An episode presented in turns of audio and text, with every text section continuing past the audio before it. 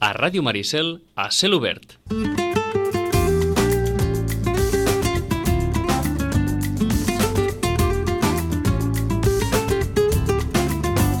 Bé, de fet, els llibreters, o no encara més, els aimants dels llibres ens diran que sempre hi és bon moment, qualsevol moment de l'any, per llegir.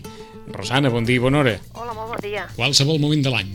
Uh, sí, la veritat és que sí, sempre ve de gust, no? El que passa, és cert que hi ha moments, no?, de l'any que dius, bueno, uh, ara doncs me l'ha atabalat, tothom, el, el temps, sempre és, la paraula temps sempre va ser, no sé per què, sempre va Mhm. associada amb lectura, eh?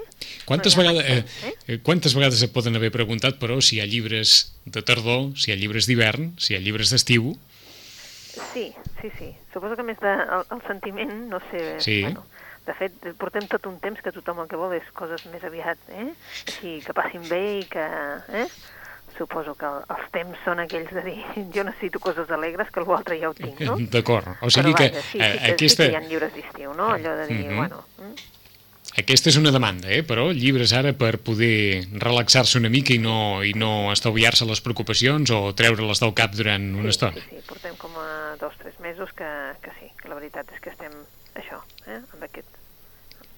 Però bueno... En aquesta tessitura, en eh? aquesta tessitura. Alguna, alguna recomanació molt evident per a aquells que diguin necessito alguna cosa gairebé de caire terapèutic Sí. que serviria així que vingués al cap d'entrada, mira, llegeix això. Home, a veure, en plan, jo més aviat, eh, jo penso que són De- més aviat divertits els Vull llibres que... això, eh? fer, Em refereixo en plan eh, teràpia de xoc, Rosana, allò de dir, escolti'm, arribo a la llibreria, necessito alguna per esvergir-me, de debò, què, per exemple? A veure, per esvergir-se. Doncs mira, jo ara agafaria, la veritat és que agafaria una novel·la de, de caire, pues, eh, més aviat històric, una cosa així. mm? Mm -hmm. Eh? Vull dir que... Mira, per exemple, una que és l'elefante de marfil. Eh? L'elefante de marfil, eh? eh, de la Nerea Risco, és una novel·la que passa a, bueno, a Sevilla, però a Sevilla del segle XVIII. Mhm. No sé per què, però suposo que el que busquem a l'estiu, o almenys el que ens demana molta gent ara, són llibres totxos, eh? que em duri. Eh? D'acord. Que em duri tot l'estiu. D'acord. Aquesta és aquella història tan rocambolesca que ens vas explicar un dia, tan divertida, d'un d'un animal que, que travessa, no sé si recordo que fa un viatge fins a Sevilla o alguna cosa així, o no? Eh, Aquesta de l'elefante de marfil. Bueno, és una partida de- d'escacs? De, no, jo diria que no. No, em sembla que no. Doncs no, no, no. equivoco la història. Sí. Equivoco la història. Una partida d'escacs. Uh, sí, bueno, aquest és, és, se situem al dia de Tots Sants, és a dir, eh, el dia 1 de novembre del Mhm. 1755, és el que dèiem, el segle XVIII, i, i hi ha un terratrèmol, i bé, eh, llavors hi ha una senyora, la Julia López de Aro, que, bé, que és una vídua, eh, que mm, té una impremta, la impremta amb més nom de Sevilla, i decideix doncs, una mica doncs, eh, donar un altre caire a la seva existència, eh? donar un gir, i llavors, eh, bueno, eh, fa... no vol fer cas dels seus sentiments i s'entrega a León de Montenegro, que és un jove que prové de Malta eh, i és un empleat que tenia ell en el seu negoci. Uh -huh. Bé, aquest home serà el gran amor de la seva vida, eh, malgrat que la doña Júlia el que passa és que ignora que ell té una missió, una missió perillosa, una missió secreta, que després eh, de fer matrimoni doncs, traspassarà a tota la seva descendència. Eh? És la peripècia de tres generacions.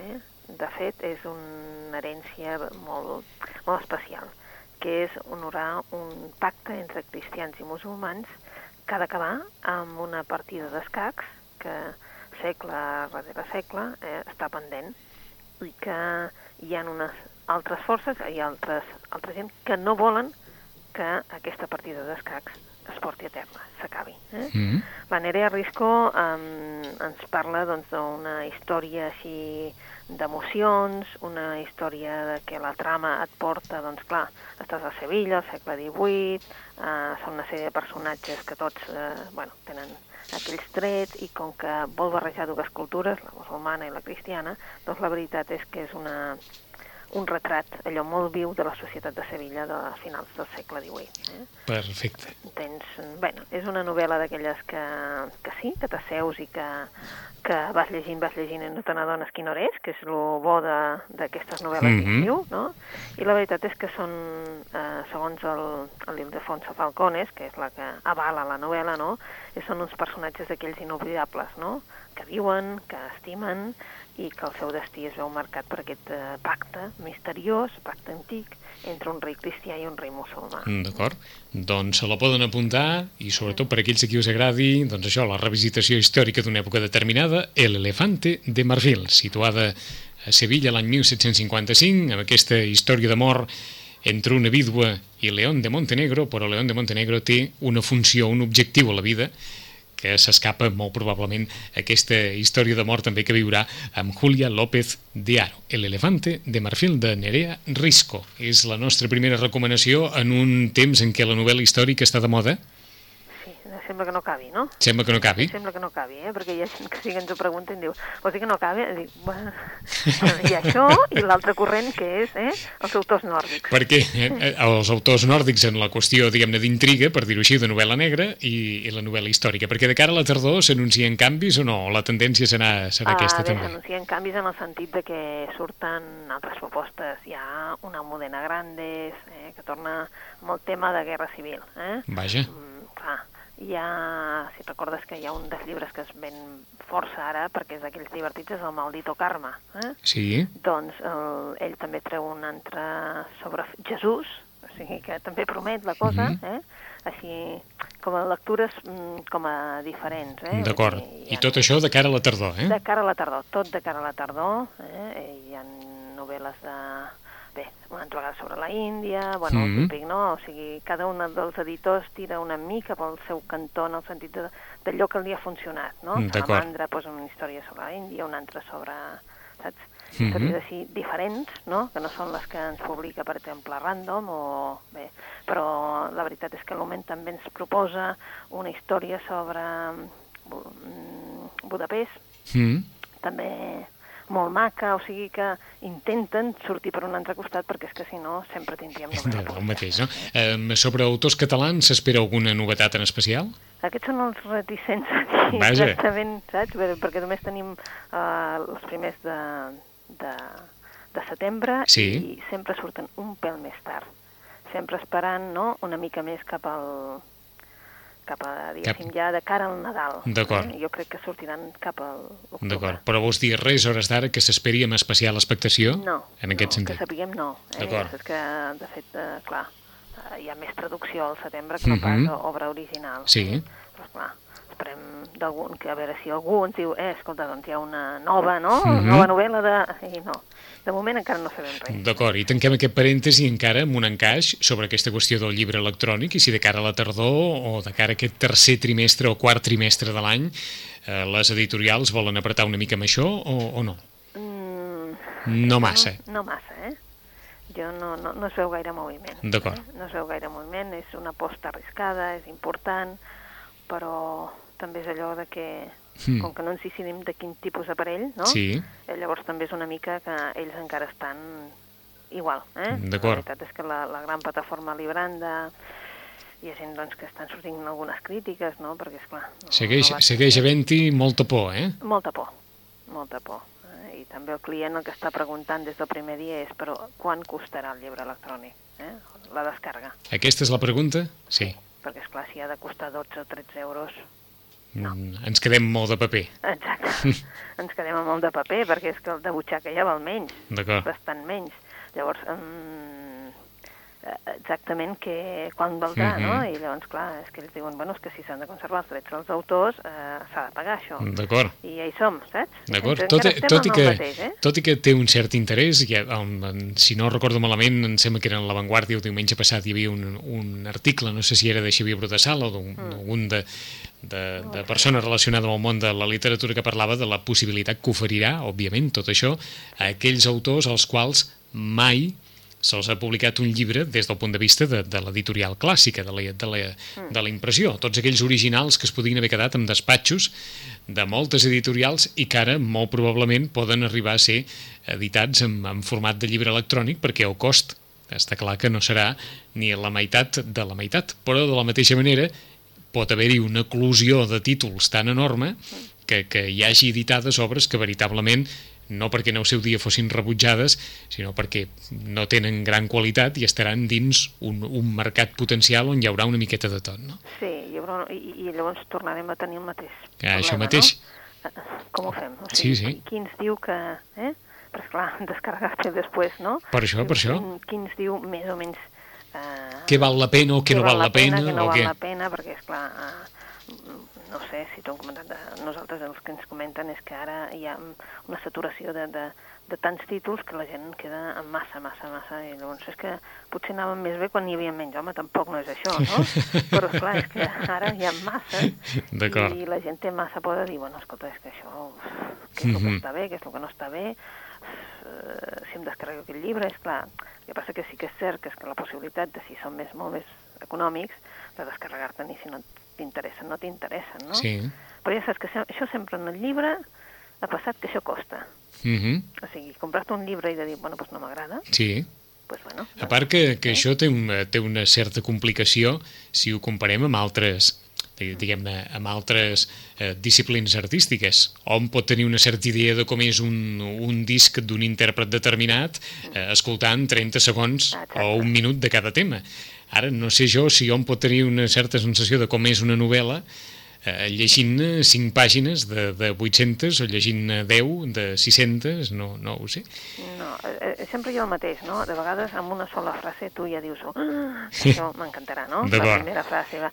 Però clar, eh, a veure, moltes vegades, eh, fins que no estàs a la plana 50, no Mhm. veus que realment allò t'està atrapant. D'acord, i si no, clar. com, el, com a les llibreries, Pol Bocorella i Pol ah, Consell. exacte, sí, però esclar, això hi hauria d'haver algú, no?, que entès sí. també dintre la, la, la red. I això vol dir, Rosana, un exèrcit de lectors que, que puguin d'alguna forma opinar sobre tantes llib tants llibres editats i tantes novel·les editades. Sí, Mm. o, o, o tornen a ser, bueno, clar, les, els llibreters digitals, no?, que Sí. tornin a fer llistes, però tothom és molt reticent, eh? Ja. Però, esclar, qui paga per aquest temps que estàs utilitzant Sí, sí, tu, per això no? mateix, per això mateix. I que, que és una mica també difícil. Mhm. A vegades tenim aquella sensació que el llibreter només ven, però esclar, el llibreter també ha de llegir o de saber alguna cosa sobre allò que ven, perquè si no, no, no serveix tampoc per vendre.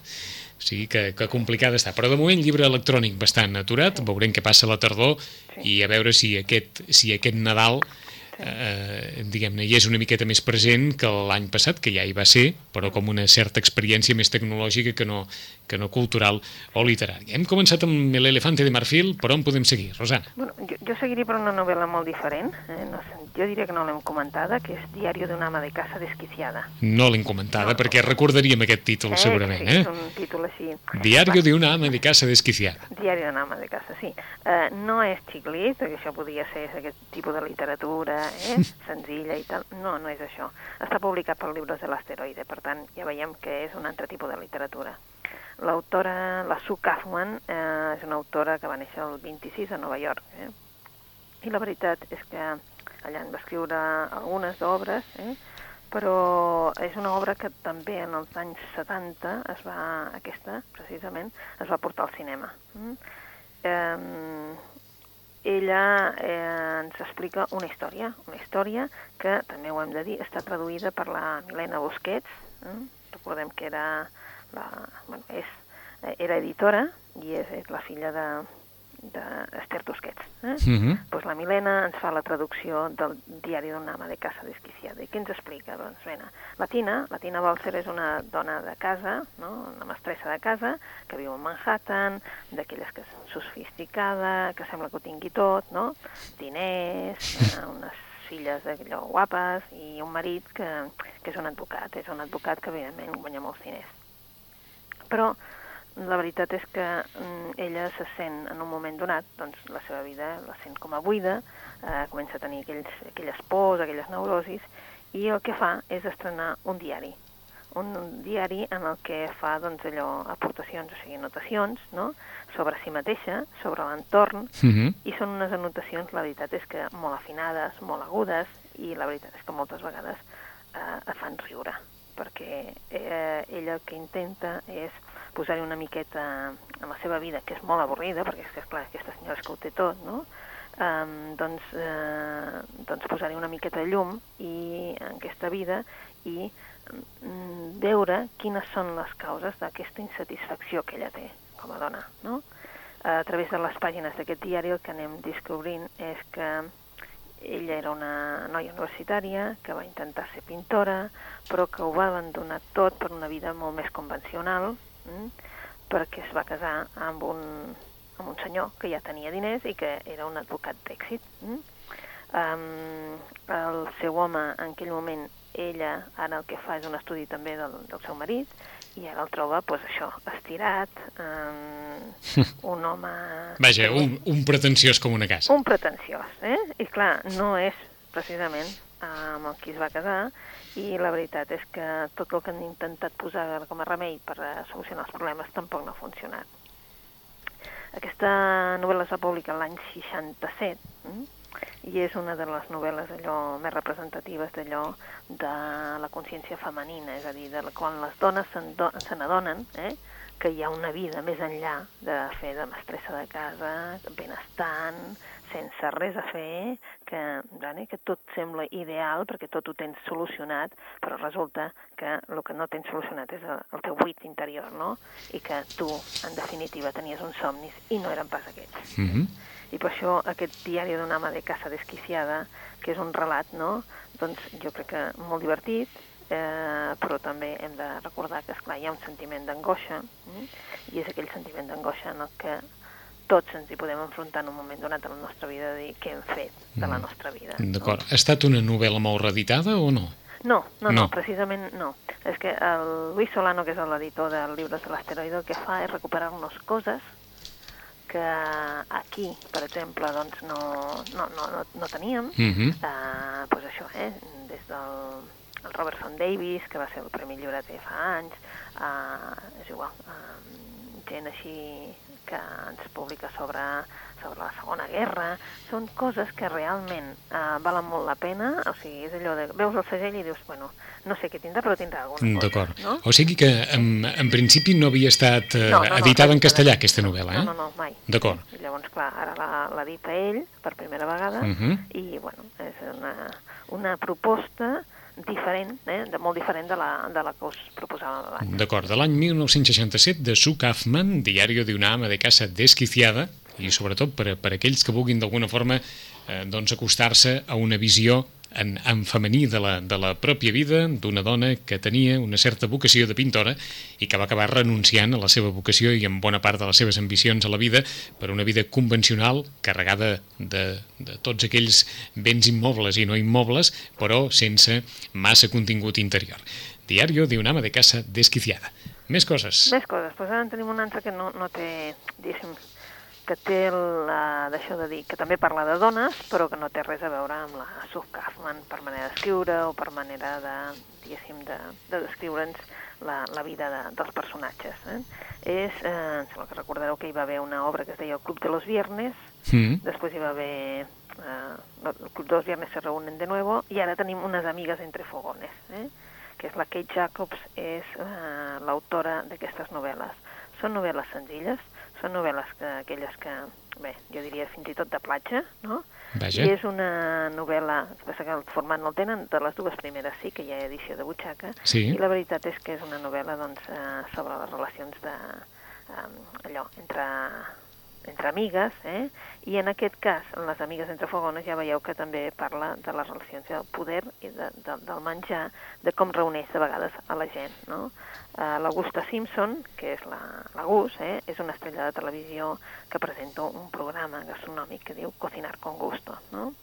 Um, amb ella el que li encanta és organitzar festes i realment el que li agrada més de tot són, evidentment, els pastissos d'aniversari. Mm?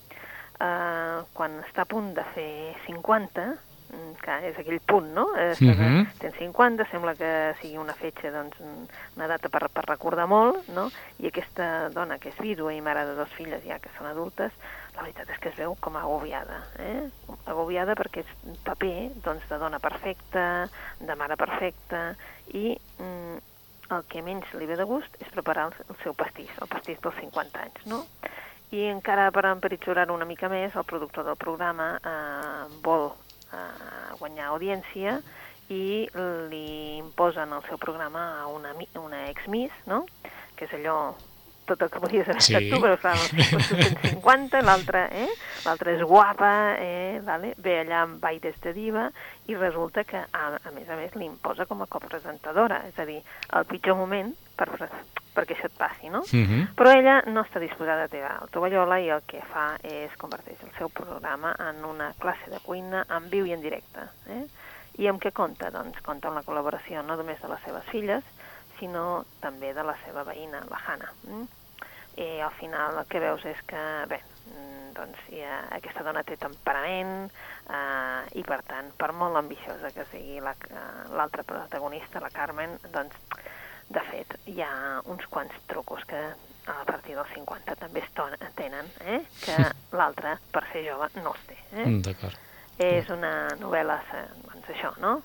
De dones, una novel·la en el que doncs, es parla de les relacions i de com de vegades doncs, eh, l'edat no és Mhm. tampoc allò que ens ha de marcar. Una, una certa sensació de vindicació de la maduresa aquí, no? Sí, sí, sí, la veritat és que sí, i de dir, bueno, que cada, cada època té les seves coses. Mm no? Doncs Com dic, unes amigues entre fogones per aquelles persones que ja varen llegir El Club de los Viernes, El Club de los Viernes se reúne de nuevo, doncs unes amigues entre fogones de Kate Jacobs i la història d'aquesta dona que té un programa de televisió que és a punt de viure el seu 50è aniversari, però que tot plegat l'angoixa bastant, tant en pel que fa referència al propi pastís d'aniversari com per al desenvolupament del programa de televisió, però se'n surt de tot plegat allò amb aquella convicció que dona doncs, l'experiència de la, de la maduresa d'aquests eh, 50 anys. Són unes altres recomanacions que ens proposa la Rosana avui. Per on seguim ara? Doncs mira, um, si hi ha un autor que faci, bueno, eh, que porti boges a una certa generació, és el Mòquia, ja ho sabeu. Mhm. Eh? A part de l'Stephanie Meyer en el seu tema, doncs el Mòquia en les relacions doncs, d'amor, no? Però aquest eh, senyor que és italià, n'hi ha un, un altre que és francès, que també porta bojos a, a tots plegats, eh?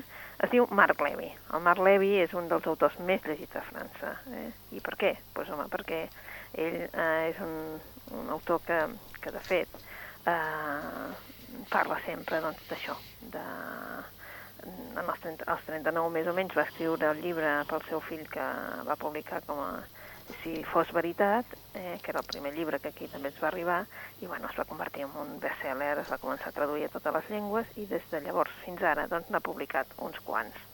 Um, el darrer seu era totes les coses que no ens vam dir, que és la relació entre un pare i una filla, eh? Mhm. que era allò de que de vegades s'han de dir les coses, sinó potser és massa tard. Però ara ens presenta una història d'amor, una història de sentiments, i és això, l'aventura, segons diu en el llibre, aquí a la primera plana ja posen l'aventura d'estimar com no te l'han explicat mai. Eh? El títol del llibre és El primer dia, mm? el primer dia, i és, bueno, mm, uh, és una història, com us dèiem, d'amor i d'aventures. Mhm. La Keira, que és la protagonista, és francesa, és una dona tenaç, independent, i clar, mm, té una passió, l'arqueologia, i ell el que vol trobar és el primer homínid que va caminar sobre la Terra, és a dir, que a part de tenaç i tot, és somiadora, no?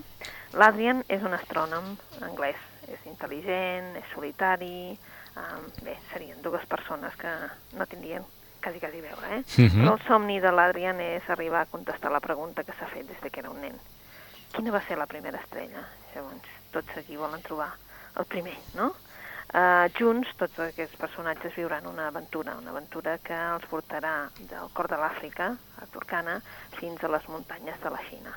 Llavors, és una, una novel·la d'aventures, com us dèiem, perquè el que estan és recorrent al món buscant respostes, respostes a les seves preguntes. Sin, I de vegades el que no se n'adonen és que potser el que estan buscant és eh, el que és l'essencial a, a tot arreu, i és l'amor. Eh? És un, un llibre, doncs, que ja us dic, que és d'aquests així mm, que cau bé, no? És un llibre així tranquil, eh, fascinant en el sentit de que doncs, parla de, de diversos llocs, però també és per aquesta gent que està buscant una novel·la senzilla per Mhm. aquest estiu. El primer dia, El primer dia, eh, i, com, i com deia el subtítol de la portada que ens comentava la Rosana, l'aventura d'estimar com mai no te l'han explicat.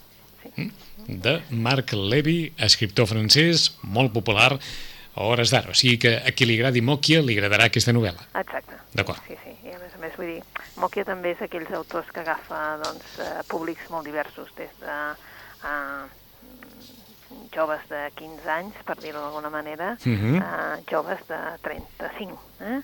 Levi eh, està començant a passar el mateix. El que passa que estava pensat per joves de 35 i ara està també bastant a públic, no? que com que estan llegint novel·les doncs, així com el Mòquia també necessiten. Eh? El Mòquia s'acaba i llavors necessiten... D'acord, alguna autors. cosa per on seguir, eh? Exacte. D'acord, no es queixaran avui de la selecció El elefante de marfil, Diario de una ama de casa desquiciada, Unes amigues entre fogones i El primer dia. Per on seguim? Doncs bé, hi ha un llibre d'aquests que tothom diu, i com és que no ha sortit res sobre, sobre el Grisham? Sí, ha sortit, ha sortit un llibre sobre el Grisham, del, del Grisham, del John Grisham, Sí. eh? però en canvi, clar, mm, ja avisem ara, només són unes narracions. I diem només perquè la gent el que espera sempre és novel·la, eh? i en aquest cas són Siete vides. Eh? Només s'ha traduït al castellà, de moment en català no tenim la, la traducció i suposem Mhm. que és perquè és una col·lecció de relats. És una col·lecció de relats que ens porta cap a Fort County, al Mississippi. Eh? En el, diguéssim que l'ambientació seria l'ambientació de la seva primera novel·la, El tiempo para matar. Eh? És una col·lecció de relats allò originals, entretinguts, i, i fins i tot, segons ens ha explicat l'editor, doncs fins i tot tenen molt de sentit de l'humor. Eh? Però, és clar, és una antologia de narracions que demostra doncs, el talent que té el John Grisham com a autor de novel·les, però que ara, en aquest cas, és narracions. I es diu Siete vides. Eh? És un llibre que el problema que té és que tots els eh, amants del John Grisham volen novel·les i com més, eh, més totxos millor i aquesta potser passarà sense, sense pena ni glòria, com D'ac- que diu. Eh? D'acord, vols dir que compta amb comprar-se-la amb una intenció, perquè potser després decepciona si no està ben clar que són relats. El de relatos ho posa molt petitet a baix D'acord. i llavors, clar, com que darrere no diu ni de què va ni D'acord. res de res, eh, ja avisem amb els lectors que, que sàpiguen que són relats. Eh? Mhm. Cada vegada en surten més de llibres de relats. Eh? Per, exemple, em sembla que fa un dia es pub- parlàvem del Mrozek, que és un autor excel·lent.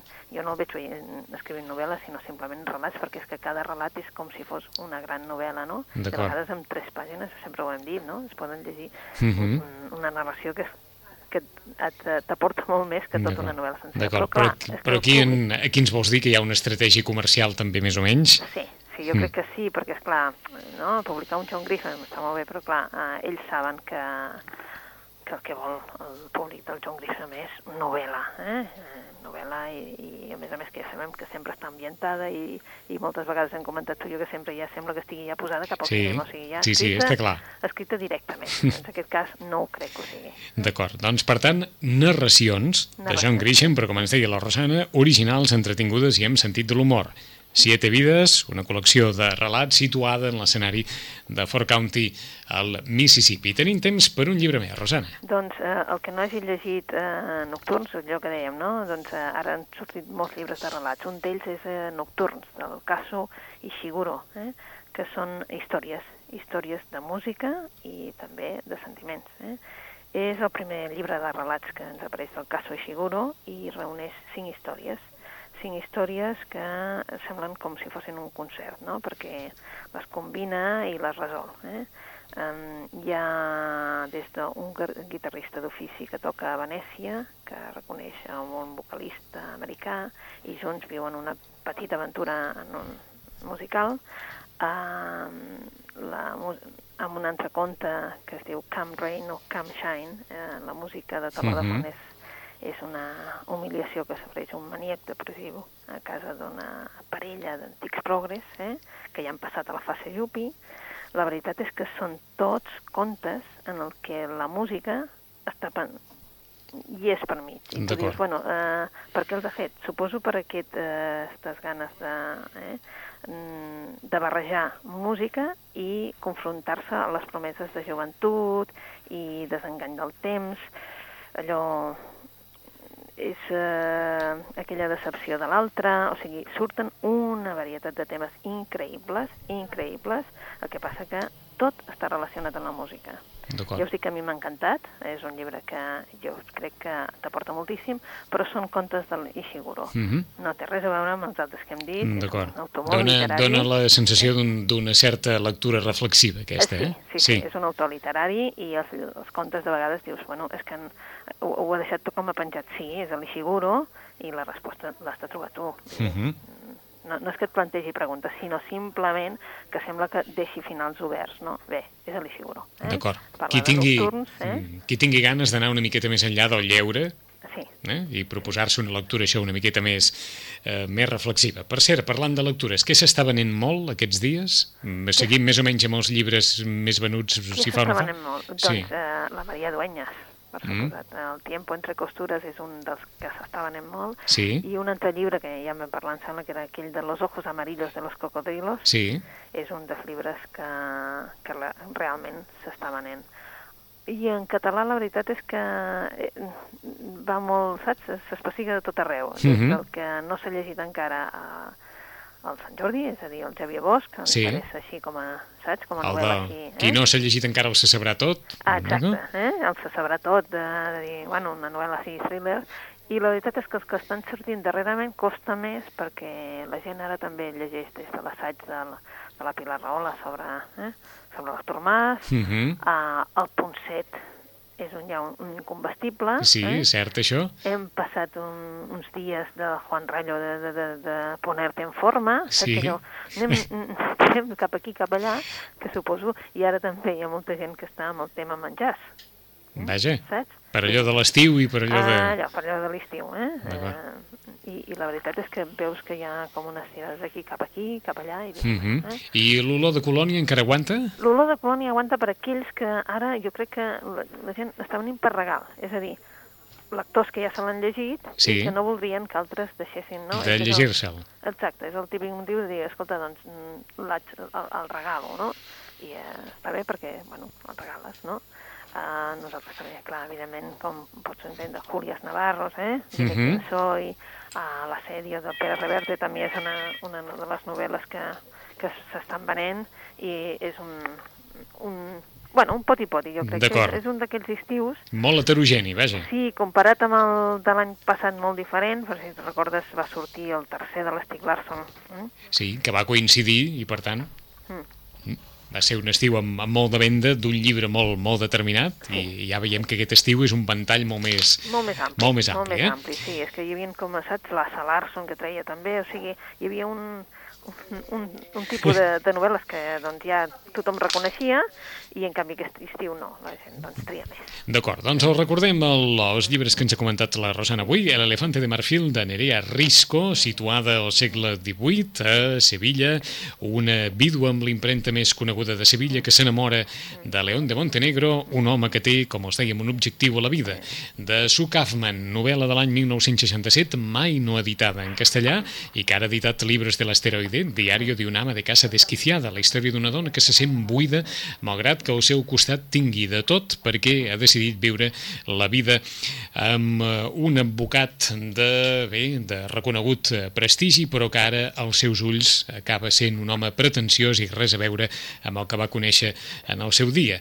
De John Grisham, també res a veure amb les novel·les de Grisham, es tracta de Narracions, Siete vides, una col·lecció de relats situada a Fort County, a Mississippi, originals, entretinguts i amb sentit de l'humor. De Marc Lewy, un novel·lista francès en la línia d'aquells a qui els agradi Mòquia, doncs els agradarà el primer dia aquesta història, aquesta història d'aventures entre una arqueòloga que busca el primer homínid i un astrònom que busca la primera estrella i que aniran del cor d'Àfrica a les muntanyes de la Xina. Kate Jacobs, unes amigues entre fogones, novel·la sobre les relacions entre amigues i el poder o la, el poder del menjar, per dir-ho així, tan revisitat en el món de la literatura i com una dona als seus 50 anys és capaç d'enfrontar-se, doncs això, aquells reptes que moltes vegades es posen en la vida quan els més joves tenen ganes de sobresortir, no sempre amb mètodes massa ortodoxes. I finalment, de Caso Ishiguro, Nocturns, cinc històries combinades i resoltes, on la música pren protagonisme. Rosana, d'aquí 15 dies ens tornem a saludar a ple estiu i amb noves recomanacions literàries. Que vagi molt bé. Fins aquí 15 dies amb vosaltres. Gràcies, adeu-siau.